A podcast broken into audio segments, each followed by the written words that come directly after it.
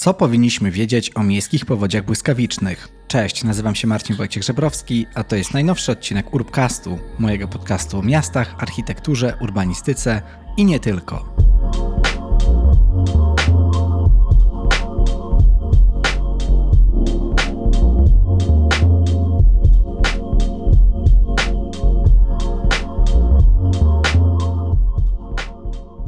Cześć i witaj w najnowszym odcinku. Bardzo się cieszę, że mogę powrócić po polsku po takiej dwutygodniowej przerwie, kiedy pojawiały się odcinki tylko po angielsku.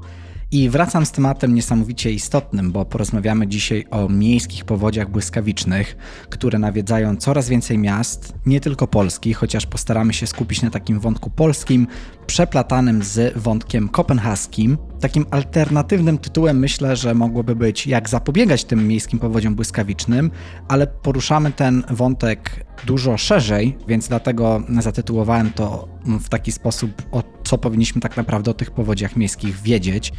A rozmawiam dzisiaj z doktorem Kamilem Jawgielem, który jest specjalistą do spraw miejskich powodzi błyskawicznych i na co dzień pracuje w firmie inżynieryjno-doradczej WSP i dzieli się dzisiaj swoimi doświadczeniami właśnie z pracy i nie tylko. Kamil na co dzień pracuje w Kopenhadze, mimo tego, że stacjonuje w Poznaniu i dzieli się swoimi przemyśleniami dotyczącymi właśnie tego, jak dochodzi do błyskawicznych powodzi miejskich. Bardzo szeroko poruszamy wątek kopenhaski, czyli e, tego, co wydarzyło się w Kopenhadze w roku 2011, kiedy to bardzo duża część miasta została zalana, spowodowało to przeogromne straty materialne. No i od tego czasu władze miasta Różni eksperci stwierdzili, że coś trzeba z tym faktem zrobić, bo gdyby tak zainwestować te wszystkie pieniądze, które zostały stracone właśnie przez tą powódź, to można by po prostu temu zapobiec, tak? Gdyby zainwestować je w, w, różne systemy zapobiegania takim powodziom.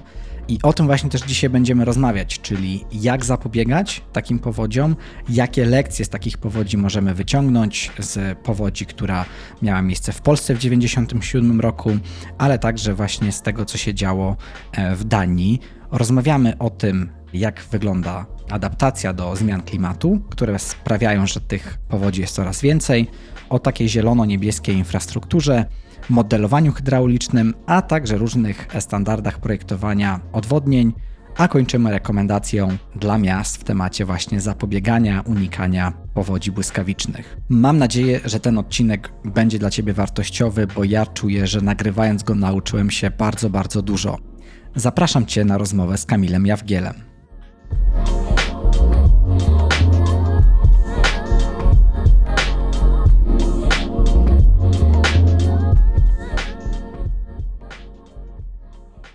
Cześć Kamil i witaj w Urbkaście. Cześć, witam serdecznie.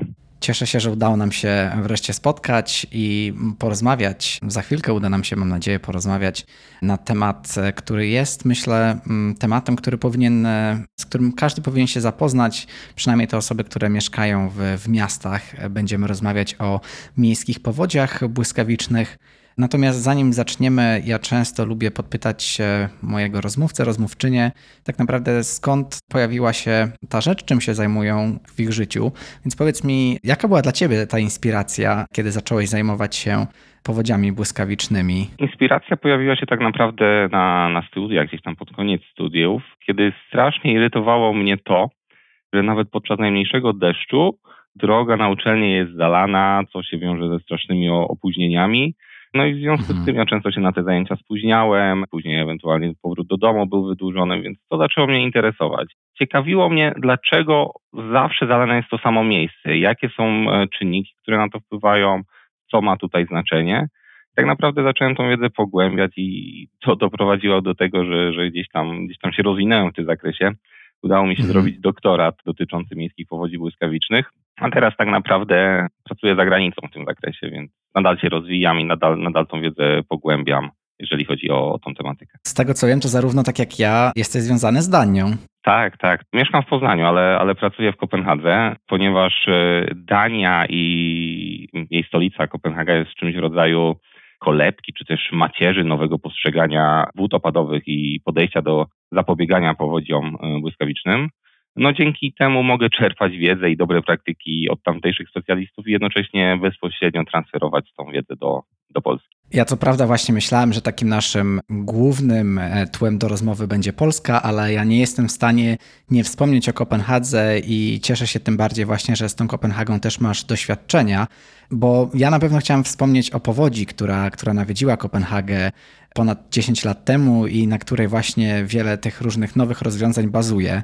Ale zanim do, do tego wątku przejdziemy, to chciałbym Cię właśnie zapytać o to, czym się na co dzień zajmujesz i czy mógłbyś to wytłumaczyć w taki dość przystępny sposób, ponieważ jesteś specjalistą do spraw modelowania hydraulicznego i także też, żeby słuchające nas osoby miały w ogóle taki większy pogląd na to, z czym to się wiąże. Czy mógłbyś właśnie powiedzieć? Jasne.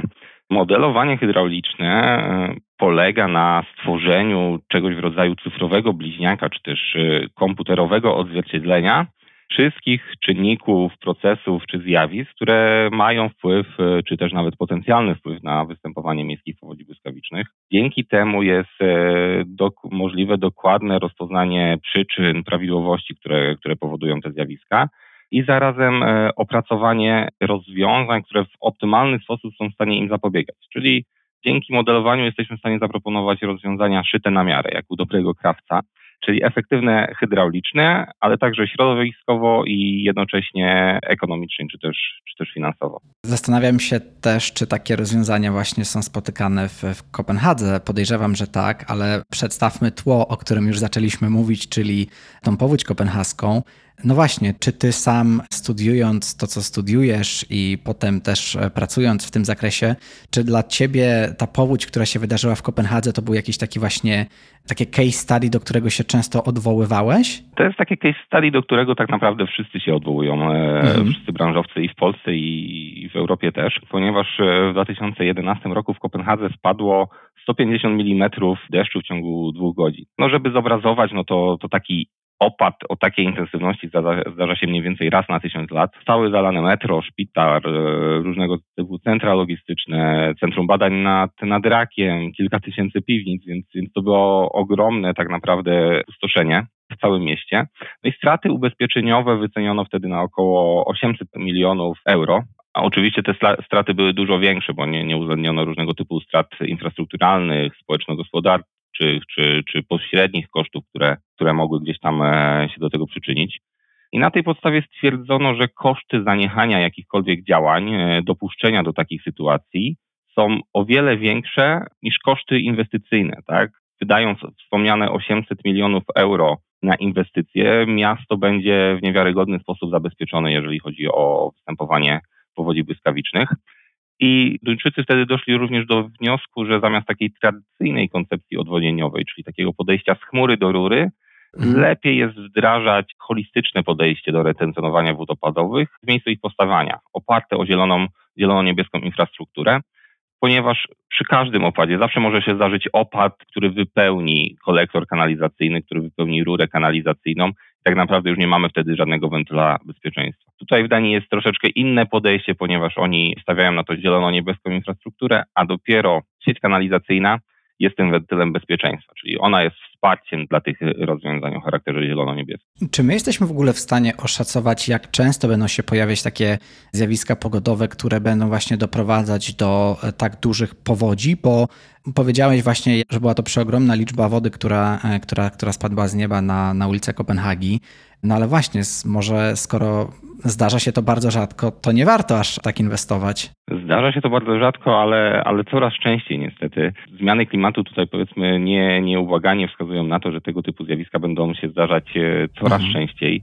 Wydłużą nam się okresy e, bezopadowe związane ze zjawiskiem suszy, ale opady będą pojawiały się rzadziej, ale będą znacznie bardziej intensywne. No będzie właśnie to się wiązać z, z występowaniem miejskich powodzi błyskawicznych. Do tego w miastach, w miastach pada zdecydowanie więcej niż na terenach pozamiejskich. Jest to związane z, ze zjawiskiem, między innymi ze zjawiskiem e, miejskiej wyspy ciepła, z, z większą ilością zanieczyszczeń w mieście. Dlatego też nad, nad powierzchnią miasta znajduje się więcej jąder jąder kondensacji, które sprzyjają budowie powiedzmy chmur piętrowych, których właśnie powstają e, intensywne opady deszczu. Powiedz mi, czy jest e, jakaś definicja właśnie takiej miejskiej powodzi błyskawicznej? Czy są jakieś parametry, które określają, że od danego poziomu mamy już do czynienia właśnie z powodzią? Wiesz co, parametrów e, nie ma. Przynajmniej ja takich parametrów mhm. nie, nie, nie jestem w stanie przytoczyć, ponieważ jest to bardzo płynne zjawisko powiedzmy i każde z nich należy rozpatrywać indywidualnie.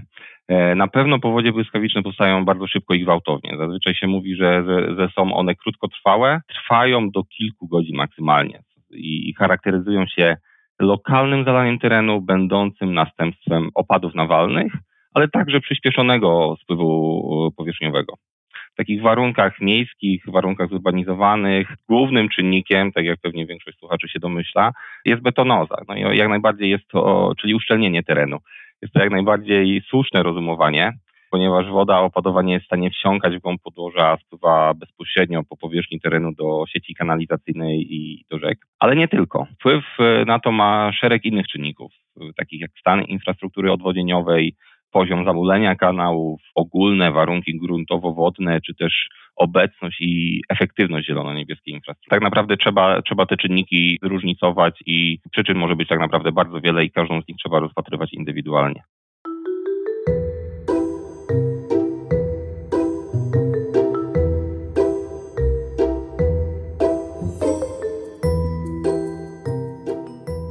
Warto chyba podkreślić, że ta betonoza to nie dotyczy tylko Polski, bo też e, dzięki książce Jana Mencfela nam ta betonoza e, myślę, że tak utkwiła mocno w, mhm. w takiej tożsamości, być może nawet narodowej, tak, że to, jest, że to jest taka polska rzecz. Natomiast właśnie jestem ciekawy Twojego spostrzeżenia, ale no mi się wydaje, że Kopenhaga jest jednak dość takim betonowym miastem. Oczywiście bierze się to też z różnych historycznych względów, ale to Kopenhaga też chyba właśnie przez tą swoją betonozę została tak mocno zalana te ponad 10 lat temu. Tak, to się w pełni z Tobą zgodzę. No, spacerując ulicami Kopenhagi można, no, próżno szukać tak naprawdę, przynajmniej w centrum dużych połaci zieleni, ale jeżeli się zagłębisz gdzieś tam w drobniejsze uliczki, to, to zobaczysz taką mało zieloną niebieską, niebieską infrastrukturę, i przykłady takich, takich rozwiązań można, można mnożyć. No to są na przykład parkingi rowerowe, które w czasie opadów pełnią rolę zbiorników retencyjnych e, skateparki, które są okresowo, okresowo zalewane wodą.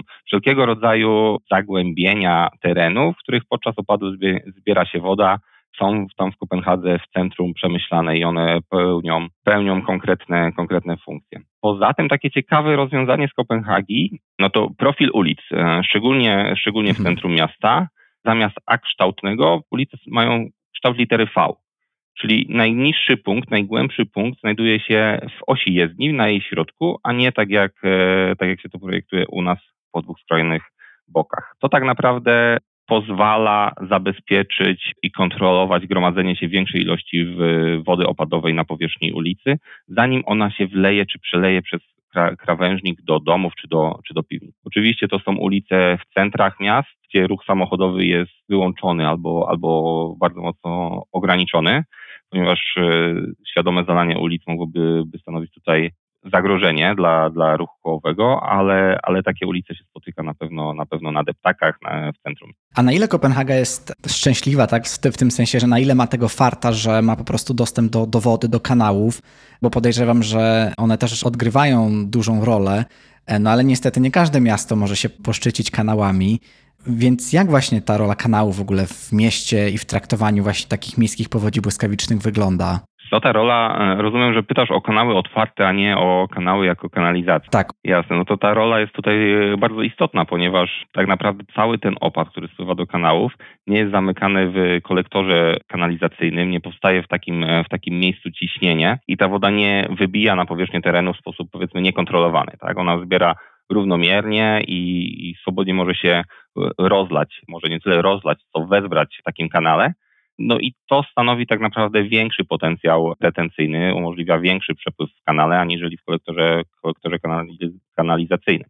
Tak naprawdę dostępność czy bliskość morza też jest swego rodzaju pozytywnym aspektem w tym, e, w tym zakresie, ponieważ większość czy część wody jest w stanie swobodnie odpłynąć bezpośrednio, ma bliższą drogę do przebycia, zanim odpłynie do morza, niż, niż gdzie by to było powiedzmy do, do rzeki, która jest zlokalizowana na dalszym odcinku. Z drugiej strony bliskość morza może powodować cofki kanalizacyjne, więc tak naprawdę to jest taki miecz obusieczny. Tak jak mówię, no każdy, każdy przypadek miasta, czy nawet e, każdy indywidualny przypadek miejskiej powodzi błyskawicznych, czy pojedynczego podtopienia należy rozpatrywać indywidualnie tych czynników, e, zarówno pozytywnych, jak i negatywnych, jest, jest bardzo wiele. Tak, myślę, że tutaj warto jeszcze podkreślić, że rzeczywiście chodzi nam o takie kanały, które są w centrum e, Kopenhagi, e, w których można się kąpać, mm. bo to też jest rzecz warta podkreślenia, że tak samo około dekady temu kanały oczyszczono do tego stopnia, że ciepłych dniach, no i nie tylko zresztą w e, ciepłych, bo Duńczycy są dość mocno zahartowani, można sobie do tych kanałów skoczyć, popływać.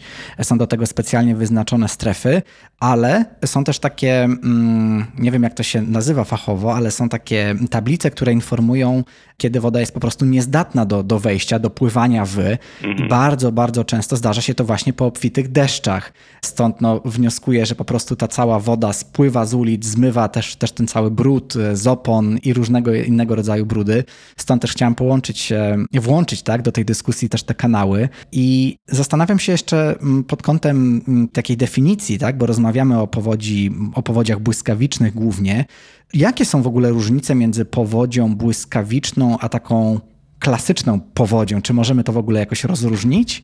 Tak, zdecydowanie. No, przede wszystkim e, lokalny charakter i, i, szybkość powstawania powodzi błyskawicznych jest tutaj jest takim czynnikiem wyróżniającym. Powodzie błyskawiczne są o tyle niebezpieczne, że, że są nieprzewidywalne i trudno, trudno nam się na nie przygotować. Często powstają dzięki czy na skutek bardzo lokalnych komórek opadowych, które tworzą się bezpośrednio nad miastami i, i ciężej jest po prostu je przewidzieć, aniżeli fronty opadowe, które poruszają się na przestrzeni e, kilkuset kilometrów.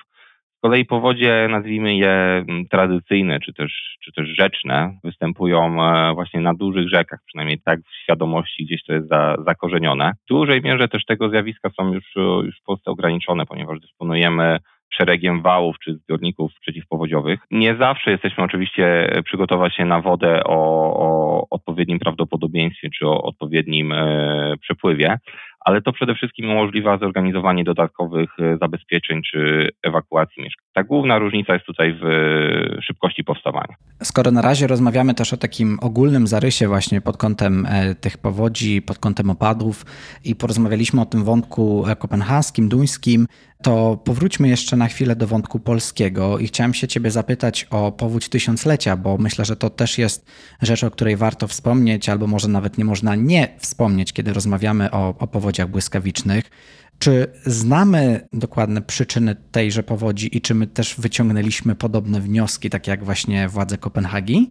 Co, jeżeli chodzi o powódź tysiąclecia, która wystąpiła na Odrze w 1997 roku, to tutaj charakter tego zjawiska był zdecydowanie inny. To nie była powódź mhm. błyskawiczna, tylko, tylko powódź rzeczna, tak więc tutaj miały miejsce zupełnie inne procesy i myślę, że, że, że wnioski tutaj jako społeczeństwo, jako kraj e, wyciągamy i od tych 25 lat które minęły od tego czasu, został zrealizowany szereg inwestycji przeciwpowodziowych na samej Odrze i na jej dopływach, które mają na celu zapobiegać tego typu zjawiskom.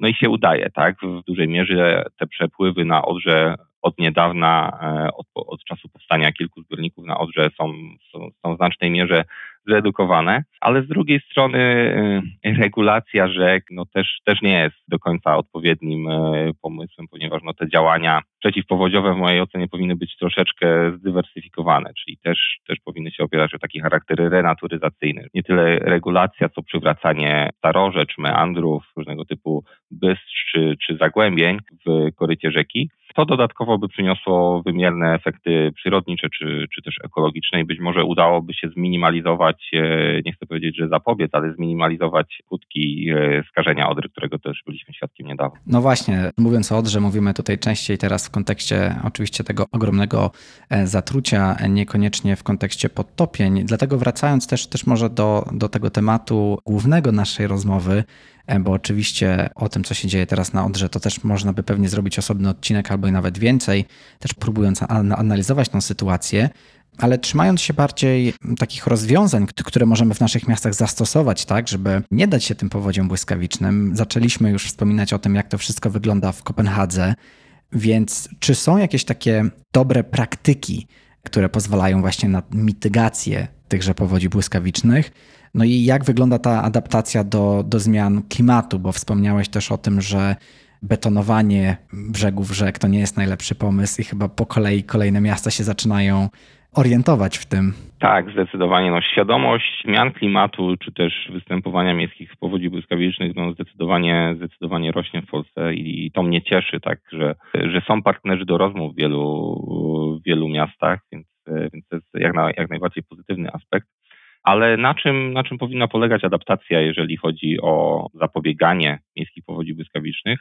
W kontekście wody też, czy też e, wód opadowych, najprostszym rozwiązaniem i zarazem remedium jest szeroko rozumiana retencja. Polega ona na zatrzymaniu jak największej objętości wody w miejscu, w którym spada deszcz, niezależnie od skali. W skali zlewni rzecznej będą to zbiorniki retencyjne, duże obszary zrenaturyzowane, skali miasta czy gminy będą to precyzyjnie celowane e, działania z zakresu zielono-niebieskiej infrastruktury, skali indywidualnej też, e, też działania z zakresu mikroretencji, nawet takie w formie beczek deszczowych czy ogrodów deszczowych, odłączenie od rynien, e, rynien od kanalizacji.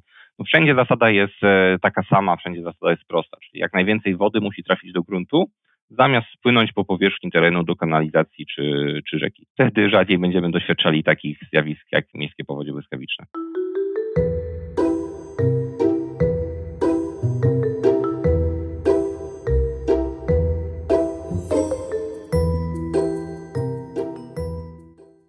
Chyba tutaj właśnie warto wspomnieć o tym planie kopenhaskim, bo po tym, co, co właśnie przydarzyło się w Kopenhadze, była to ogromna powódź, tak jak mówiłeś, podtopienia piwnic. Jeśli dobrze pamiętam, chyba około 30% tych wszystkich piwnic w mieście zostało zalanych. Są też takie zdjęcia, które pokazują jak autobusy, samochody utykają i, i rzeczywiście no, było to coś strasznego i były to ogromne straty, ale coś, co mi bardzo zaimponowało i dlatego też bardzo lubię ten przykład, to to, że Duńczycy zaczęli działać bardzo szybko i mhm. E, bodajże chyba po roku e, lub po dwóch, to za chwilkę mnie poprawisz, jeśli się mylę, powstał już taki plan właśnie adaptacyjny, to był taki Cloudburst Management Plan, zrobiony między innymi w partnerstwie, ale, ale nadzorowany przez firmę e, Rumble, e, firmę inżynieryjną. I czy my właśnie możemy jakoś słuchaczom, słuchaczkom przybliżyć ten plan? Plan ten zakładał właśnie to, to o czym wspominałem, czyli oparcie całej mhm. retencji, czy też e, systemu zapobiegania powodziom błyskawicznym, głównie o drogi, tak? Bo tutaj plan dotyczył, przynajmniej w tej pierwszej fazie dotyczył ścisłego centrum miasta, dzielnicy Frederiksberg, która też jest bardzo szczelnie e, zabudowana. No i powodzie bardzo silnie doświadczyły mieszkańców Frederiksberga, szczególnie jego wschodniej, wschodniej części. I tam stwierdzono, że tak naprawdę nie ma miejsca w mieście na tym ścisłym centrum miasta na budowanie zbiorników retencyjnych, na wymianę sieci kanalizacyjnej, ponieważ ta infrastruktura jest już tam tak gęsto położona, że ewentualne przeróbki byłyby e, zbyt kosztowne. Dlatego zdecydowano się e, tak naprawdę e, zachować walory retencyjne na powierzchni terenu. Część ulic przemodelować, jeżeli chodzi o organizację ruchu, czyli zastępując ulice dwukierunkowe jednokierunkowymi. Wtedy jeden pas drogowy tak naprawdę został zagospodarowany na zielono-niebieską infrastrukturę. Wszelkie tereny zielone, które, które były w tej dzielnicy też przemodelowano, czyli wykorzystano ich potencjał. Obniżono te tereny względem otaczających chodników czy, czy wybrukowanych powierzchni, tak żeby ta woda mogła swobodnie spływać, spływać na te tereny i, i infiltrować. No, to są takie dwa proste przykłady, które zastosowano w tej dzielnicy. Czyli mówimy też tutaj właśnie o takiej zielonej i niebieskiej infrastrukturze i, i myślę, że o tym też warto wspomnieć. Moim takim mm. ulubionym przykładem z Kopenhagi jest Tosinge Ples, który znajduje się w dzielnicy Österbro mm. i to jest taki park, który no, jest takim dużym zbiornikiem retencyjnym tak naprawdę, bo on z zewnątrz wygląda jak, jak taki park, tak? jest tam takie lekkie wzgórze, obok e, jest właśnie jakaś taka wybrukowana część, można tam sobie usiąść, ale jak się zagłębić w to, jak to wszystko jest zrobione i tam też są swoją drogą takie tabliczki informujące o tym wszystkim, to to jest właśnie jeden wielki zbiornik na wodę. I jest to część takiego projektu, który się nazywa Klima Quarter, czyli, czyli mhm. właśnie taka dzielnica klimatyczna. Czy to właśnie pomogło w, w niwelacji skutków tych powodzi? Myślę, że nie, bo to jest bardzo lokalne, mhm. e, lokalne działanie, ale właśnie takie działania lokalne, które będą rozproszone na powierzchni całego miasta, one przyniosą efekt, czyli zadziała efekt skali. Jeżeli mielibyśmy w Kopenhadze dziesiątki tego typu miejsc, to jak najbardziej one, one będą pełniły swoją funkcję, ale na pewno nie należy rozpatrywać zielono-niebieskiej infrastruktury indywidualnie, raczej jako sieć powiązań pomiędzy poszczególnymi elementami. I tak właśnie to działa właśnie w, na Tassinga o którym wspominałeś. No i sam projekt jest bardzo, bardzo ciekawy, ponieważ e, woda opadowa, która, która spływa na ten, e, na ten plac, zbierana jest z okolicznych powierzchni, zbierana jest z dachów. W podziemnym zbiorniku jest ona podczyszczana. W pierwszej kolejności jest wykorzystywana jako miejsce rekreacji, czy, czy też zabawy dla dzieci w formie takiego wodnego placu zabaw, a jej nadmiar jest, jest skierowany do zbiornika retencyjnego. Z tej wody następnie korzystają rośliny, które są przystosowane z jednej strony do okresowego zalewania, ale też do długotrwałych e, okresów suszy. No, wszystko tak jak, tak jak wspomniałeś, e, jest bardzo, bardzo fajnie, bardzo przyjemnie zaaranżowane w formie takiego parku kieszonkowego. I rzeczywiście tam panuje ciekawy klimat, można powiedzieć, ciekawy, przyjemny klimat e, w kontekście mhm. nie tyle też e, wizualnym, co odczucia, powiedzmy, powietrza są zupełnie inne. Przynajmniej ja miałem takie wrażenie, że ten teren tam jest fajnie uwilgotniony, też te, te rośliny są dobrane w taki sposób, żeby zapewniać odpowiednią wymianę cenową, więc więc funkcjonuje to tam jak, tak, jak powinno. To się właśnie stało takim naturalnym centrum lokalnym, bo tam są różne knajpy, restauracje, pizzeria, i często tam właśnie w, przy dobrej pogodzie, ale nie tylko tak, bo to też właśnie chyba o to chodzi, żeby oswoić mieszkańców e, z tym, że czasem po prostu pada, musi padać, ale Duńczycy zresztą są chyba w tym dobrzy, tak? Czyli, że nie ma, nie ma złej pogody, są tylko złe ubrania, wszyscy jeżdżą wtedy, kiedy pada i, i tak dalej, i tak dalej. A wracając jeszcze na chwilę do wątku polskiego, najpierw kopenhaskiego, a potem polskiego, bo pamiętam właśnie, że jak pierwszy raz odwiedziłem ten, ten plac w Kopenhadze, o którym rozmawiamy, to bardzo mi się on spodobał i zacząłem się zastanawiać, czy tobie są znane tego typu projekty w Polsce, czy my możemy się czymś podobnym pochwalić właśnie w, w, w naszym kraju? Myślę, że w Polsce bardzo dużo pojawia się podobnych projektów. Mhm. Myślę, że takimi liderami w Polsce są, są Gdańsk czy Bydgoszcz. Bardzo dobrze wygląda też Wrocław. Ostatnio też mocno Poznań się rozwija w tym zakresie, ale one nie są powiedzmy jako, że Kopenhaga była pionierem, pionierem w Europie, jeżeli chodzi o tego typu rozwiązania, więc, więc te przykłady polskie nie są tak znane i, i popularne. Myślę, że, że też brakuje nam edukacji społeczeństwa w tym zakresie. To znaczy, jeżeli powstają tego typu rozwiązania, to one nie są wystarczająco promowane, a tak, tak jak mówisz, mhm. wystarczyłoby, żeby tak jak na Testingę Plac była postawiona tabliczka, która wyjaśnia czy też informuje, w jakim e, celu posadzona jest tam ta zieleń, jakie ona pełni konkretne funkcje. I myślę, że to znacznie poszerzałoby perspektywę czy horyzonty patrzenia na tego typu inwestycje. No ale z drugiej strony te projekty się pojawiają, więc chyba idziemy w dobrym kierunku i ja też zdaję sobie sprawę, że pewnie nie rozmawiasz ze wszystkimi włodarzami e, miast i, i być może nie znasz wszystkich odpowiedzi, ale czy myślisz, że, że te, te parki, te właśnie te ogródki retencyjne i tak dalej, one pojawiają się, bo jednak ta świadomość nam się powoli zwiększa, czy może to jest jakiś taki ogólnoeuropejski trend, który my w Polsce też staramy się naśladować? Wiesz co, chyba jedno, chyba jedno i drugie, tak? No wiele zależy od świadomości włodarzy, czy też y, osób, które, które decydują w danym zakresie jeżeli chodzi o zagospodarowanie wód opadowych. W tych dużych miastach bardzo, bardzo dużo się zmienia i, i tak naprawdę decydenci są świadomi, mają e, świadomość powiedzmy korzyści, które płyną z zielono-niebieskiej infrastruktury, ale też wad, bo też te, te wady gdzieś tam e, istnieją. Więc bardzo dużo się zmienia, ale długa droga jeszcze przed nami, zanim to będzie funkcjonowało na, na odpowiednim poziomie. Ważne jest, żeby tak naprawdę zmienić postrzeganie zielono-niebieskiej infrastruktury, czy też małej retencji, jako o, tej nadrzędnej względem, względem kanalizacji. U nas jest to raczej traktowane dosyć marginalnie, jako wsparcie, ewentualnie jakaś tam, tam jakiś kwiatek do kożucha, jeżeli chodzi o zagospodarowanie wód opadowych, ale jak pokazuje praktyka, no to są równie efektywne i policzalne rozwiązania, które w Kopenhadze, w Danii czy w Skandynawii traktowane są nadrzędnie w stosunku do, do kanalizacji deszczowej. Dopiero kanalizacja jest e, infrastrukturą, która, która wspiera zielono-niebieskie rozwiązania, więc e, no tutaj chyba powinna zajść taka zmiana sposobu postrzegania, czy paradygmatu myślenia, czy, czy mówienia o wodach opadowych.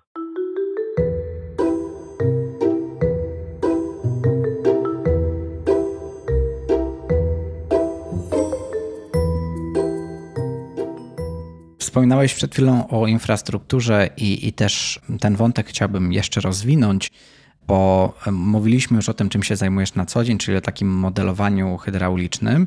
I czy mógłbyś w taki przystępny sposób też właśnie wytłumaczyć, jak na co dzień stosujesz to właśnie modelowanie hydrauliczne, żeby w różnych projektach, których jesteś częścią, tak właśnie, żeby tym e, powodziom błyskawicznym przeciwdziałać? Jak najbardziej. Tak jak wspominałem, po modelowanie hydrauliczne polega na stworzeniu czy na odwzorowaniu wszystkich czynników, czy też procesów, które mają wpływ na występowanie miejskich powodzi błyskawicznych. To jest e, w dużej mierze praca przy komputerze, polegająca na parametryzowaniu przestrzeni, czy też zjawisk, które, które występują. Na tej podstawie jesteśmy w stanie określić przyczyny i dobrać rozwiązania, które, które te przyczyny zniwelują, czy też, czy też rozwiążą.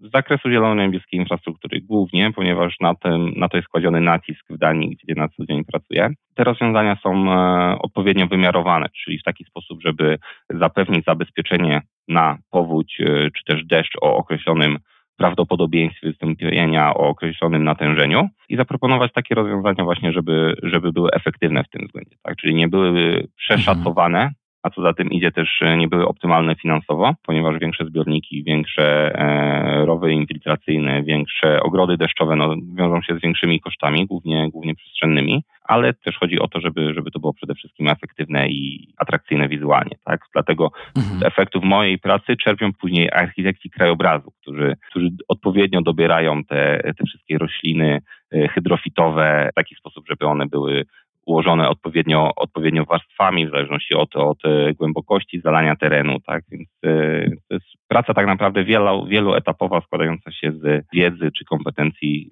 e, różnych specjalistów z, z tego zakresu. Dobrze, że mówisz o architektach, architektkach krajobrazu, bo od początku założenia tego podcastu staram się popularyzować właśnie ich działania, no i też e, sygnalizować bardzo mocno, że architekt krajobrazu nie zajmuje się na przykład projektowaniem przydomowego ogródka. Oczywiście może to robić, ale, ale nie taki jest, e, myślę, że sens e, tej pracy, ale właśnie to, żeby w połączeniu razem tak, z pracą, jaką wy wykonujecie w, w takiej właśnie firmie inżynieryjnej, doradczej, żeby móc właśnie zapobiegać ta, też tym powodziom błyskawicznym, no i także sprawiać, żeby rzeczywiście w tych naszych miastach żyło się trochę lepiej, bezpieczniej i, i tak dalej. Z racji tego, że na, na co dzień właśnie pracujesz w WSP, czyli w takiej jednej z wiodących na świecie firm świadczących takie usługi właśnie doradcze, inżynieryjne, i współpracujesz też z architektami krajobrazu, tak jak wspomniałeś, to mnie tylko zastanawia, bo na początku też rozmowy powiedziałeś, że ty starasz się te rozwiązania z Kopenhagi między innymi podpatrywać i przenosić na grunt polski. Mhm. Czy możesz w takim razie zdradzić, oczywiście nie może koniecznie nazwy, tak, ale czy ty na co dzień właśnie pracujesz w takim kontekście polskim, czy tylko za granicą? Po części w Polsce również pracuję, tak? To raczej to są takie zlecenia na, na zasadzie pracy dorywczej, ale tą wiedzę przede wszystkim transferuję na grunt miejski, na grunt poznański, ponieważ jestem radnym dzielnicy czy radnym osiedla w Poznaniu i tak naprawdę to otwiera mi szereg furtek, szereg możliwości, żeby te rozwiązania tak naprawdę rekomendować czy wdrażać bezpośrednio w mieście, tak? Czyli nie tyle będąc konsultantem merytorycznym, ale jako osoba, która ma wpływ na realizację inwestycji, czy osoba, która opiniuje te inwestycje, mogę również wpływać na, na ich kształt, definiując zapisy przedmiotów zamówienia, ale także e, pośrednio edukując, edukując urzędników, z czym bywa, z czym bywa różnie. I myślę, że, że to jest bardzo fajne, e, przynosi to bardzo fajny i skuteczny, skuteczny efekt, ponieważ no wiele spraw u nas lokalnie dzięki mojej wiedzy udało się załatwić czy popchnąć do przodu, bo też odnoszę wrażenie, że urzędnicy z wydziałów merytorycznych bardzo chętniej rozmawiają z osobami, które również są, są kompetentne w danym zakresie i mają lokalne pomysły, lokalne inicjatywy, aniżeli ze specjalistami, którzy gdzieś tam siedzą w, w biurze w Wielkim Wieżowcu i nie do końca mają świadomość, jak to, jak to wygląda lokalnie. Przede wszystkim w tym zakresie staram się tutaj rozwijać i transferować swoją wiedzę. No to mieszkańcy Twojego siedla mają szczęście, że tak kompetentna osoba jest na takim stanowisku, że rzeczywiście no może tą swoją ekspercką wiedzę transferować. Myślę, że to jest świetne tak i, i że więcej takich osób potrzebne jest właśnie w tego rodzaju ciałach e, zarządzających, czy to na skali osiedla, czy, czy też wyżej. Jest natomiast jeszcze taki jeden wątek, e, który ja chciałem poruszyć, bo też przygotowując się do tej rozmowy, powiedziałeś, że warto by też wspomnieć o takich różnych standardach projektowania właśnie odwodnień, czyli jako taki sposób na, na to, żeby mm, zapobiegać tym powodziom błyskawicznym. I o to właśnie się chciałem Ciebie zapytać, czyli czy możemy wymienić kilka z tych przykładów? Mhm. No, standardy są tak naprawdę bardzo, bardzo różne. U nas przede wszystkim pokutuje taka stara szkoła mówiąca o o odwodnieniu z chmury do rury, czyli z pominięciem e, jakiejkolwiek retencji po drodze, czy to w formie zielono-niebieskiej infrastruktury, czy, czy retencji zbiornikowej, czy kanałowej. Bardzo często projektuje się niestety na podstawie metody Błaszczyka, która została opracowana w latach 50. ubiegłego wieku i cały czas przez wielu projektantów ona jest praktykowana. A mamy w Polsce przecież bardzo, bardzo dobry e, atlas opadów Panda, który jest takim też powinien być w mojej ocenie takim topowym rozwiązaniem kalkulacyjnym, jeżeli chodzi o standardy wymiarowania, wymiarowania rozwiązań. Nie wiem dlaczego do końca, dlaczego nie, nie, nie wszyscy chcą stosować Atlas opadów Panda. Podejrzewam, że uwzględnia on zmiany klimatu, a co za tym idzie, wymiarowane rozwiązania są zdecydowanie większe, a co za tym idzie droższe niż standardowe, projektowane przy pomocy metody Błaszczyka, o której wspominałem. No wiąże się to też z tym, że te projekty, które są opracowywane na, tych, na podstawie tych starych standardów, no są nieefektywne, tak? I w wielu przypadkach nie zapobiegają w sposób należyty powodziom. Poza mhm. tym myślę, że taki ciekawy standard, no to jest ten, o którym wspominałem, jeżeli chodzi o, o Kopenhagę, czyli kształt, e, kształt ulic, czyli zmiana profilu z A-kształtnego na V-kształtny, ale też ciekawy jest przykład z, może nie tyle projektowy, co planistyczny w Holandii, tak? gdzie centra miast które są poddane największej presji urbanizacyjnej, gdzie grunty są najdroższe, bardzo często są przez holenderskich włodarzy wykupywane, nieużytki w centrach miast, tak? Są wykupywane na poczet przyszłej retencji w przyszłości, tak? Czyli teraz tak naprawdę oni tego gruntu nie potrzebują, na tym terenie nie, nie występują powodzie, ale to centrum miasta jest już, już teraz zagospodarowane ciemno, można powiedzieć, na poczet przyszłej retencji w przyszłości. U nas raczej te centra miast, jeżeli mamy jakiś nieużytek, no to też jest ten teren sprzedawany inwestorowi, deweloperowi i jeszcze tak naprawdę doszczelniany, co, co powoduje tak naprawdę pogłębienie zjawisk miejskich powodzi błyskawicznych. Poza tym myślę, że taką ciekawym pomysłem E, czy też standardem są różnego typu wytyczne, jeżeli chodzi o wytyczne dla deweloperów, jeżeli chodzi o projektowanie nowej zabudowy. U nas taki typowy standard zakłada kompensację terenową w postaci powierzchni biologicznie czynnej. Jest to na tyle ogólny zapis, że w tym pojęciu mieszczą się wszystkie tereny zielone. Mm w dużej mierze są nieefektywne. Mam tutaj na myśli trawę, czy nawet zwykłe klepisko, które nie jest terenem uszczelnionym, ale ono jest w taki sam sposób waloryzowane, aniżeli powiedzmy e, zielono-niebieska infrastruktura. Na zachodzie raczej jest stosowany tak zwany wskaźnik BAF, który w zależności od piętrowości roślinności gęstości powiedzmy roślin odpowiednio waloryzuje jakość nowych nasadzeń zieleni, które pełnią również funkcje retencyjne. Poza tym u nas, jeżeli chodzi o standardy czy też wytyczne zakresie nowych budynków, bardzo rzadko się mówi o zjawisku opóźnienia wpływu powierzchniowego. A bardzo ciekawym przykładem jest Berlin, w którym tak naprawdę wszystkie, czy większość może e, nowych budynków wyposażona jest w najlepszym wypadku w zielony dach. Jeżeli nie w zielony dach, no to chociaż w żwir, czy też kermazyc, który znajduje się na dachu, e, na dachu takiego obiektu, przez który tak naprawdę przeleci woda, ale e, ten spływ będzie opóźniony a co za tym idzie, nie dostanie on się szybko do kanalizacji deszczowej czy do rzeki, tylko powoli do niej spłynie i, ta potencjalna fala wezbraniowa w kanale kanalizacyjnym będzie, będzie niższa.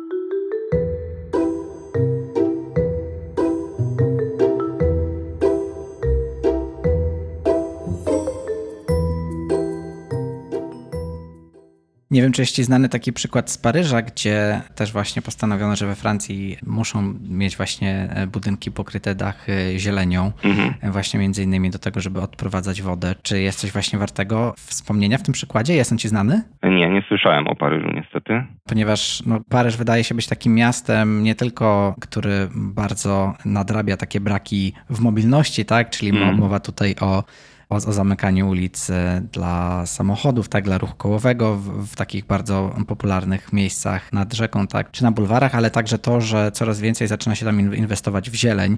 I to jest też wątek, który polecam słuchaczom, słuchaczkom sprawdzić. Teraz może nie zagłębiajmy się w, w ten temat, bo mam jeszcze na koniec takie jedno pytanie, które dotyczy takiej rekomendacji dla miast, bo Wiem, że słuchają mnie osoby, które na co dzień pracują w, w urzędach miast, e, tych małych i dużych. Więc może tak, żeby zakończyć też i żeby, żeby taką, no właśnie jakąś taką rekomendacją e, dla tych osób i nie tylko. Zastanawia mnie to, czy Twoim zdaniem miasta w ogóle mogą uniknąć miejskich powodzi błyskawicznych, czy my raczej mówimy tylko i wyłącznie o minimalizowaniu tych negatywnych skutków i kosztów? Oczywiście, myślę, że, że wszystko zależy od tego, na, na jaki deszcz się przygotowujemy i co mhm. rozumiemy jako, jako powódź. I to powinno tak naprawdę warunkować strategię, jaką przyjmiemy. Przede wszystkim należy mieć świadomość, że, że zawsze może przyjść opad, którego intensywność obnaży słabe punkty systemu odwodnieniowego. W teorii niewielkie opady powinny być kompensowane przez e, zielono-niebieską infrastrukturę, o której wspominaliśmy. Ona powinna być rozproszona tak naprawdę na, na powierzchni całego miasta. Najlepiej w górze zlewni, tak żeby minimalizować odpływ do niższych jej części.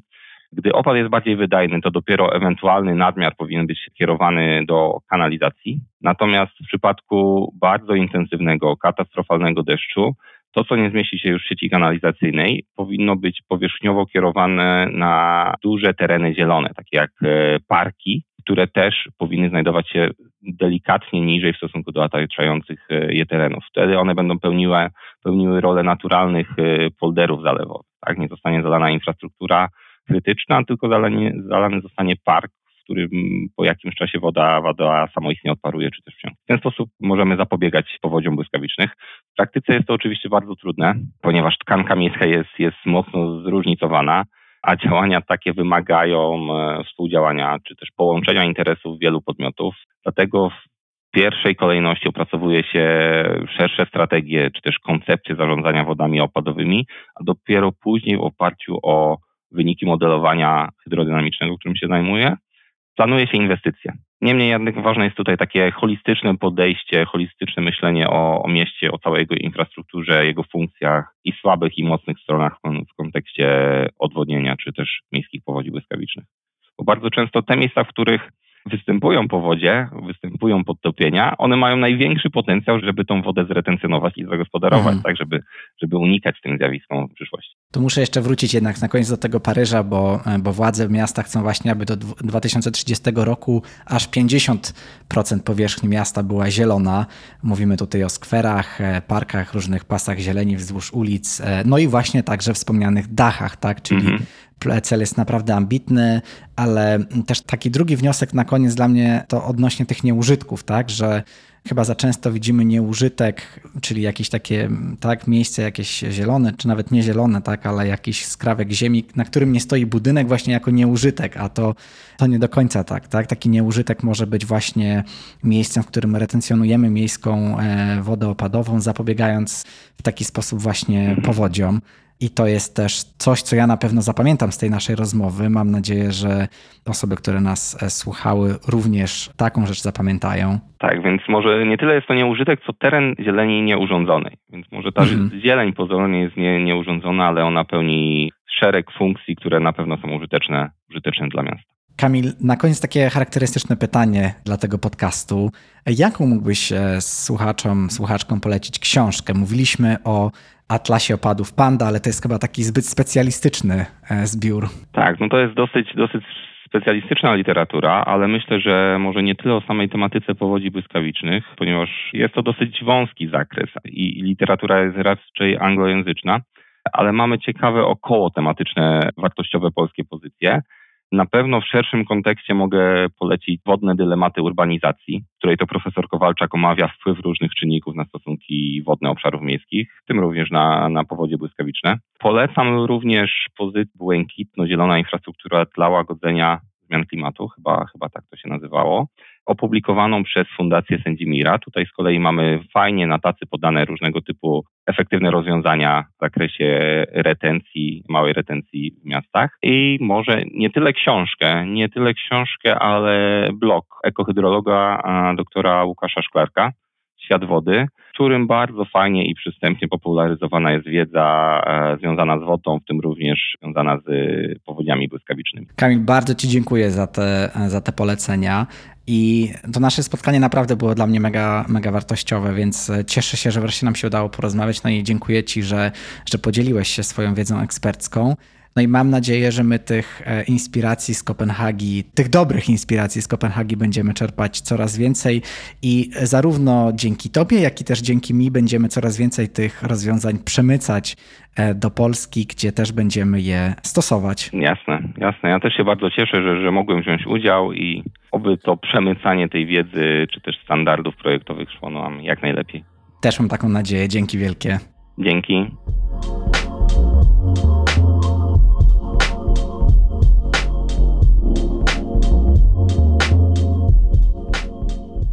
Dzięki wielkie za wysłuchanie najnowszego odcinka podcastu. Po pierwsze, chciałem Ci podziękować, że słuchasz tego zakończenia, bo cieszę się, że znów mogę nagrywać e, po polsku po tej takiej dwutygodniowej przerwie, kiedy pojawiały się odcinki po angielsku.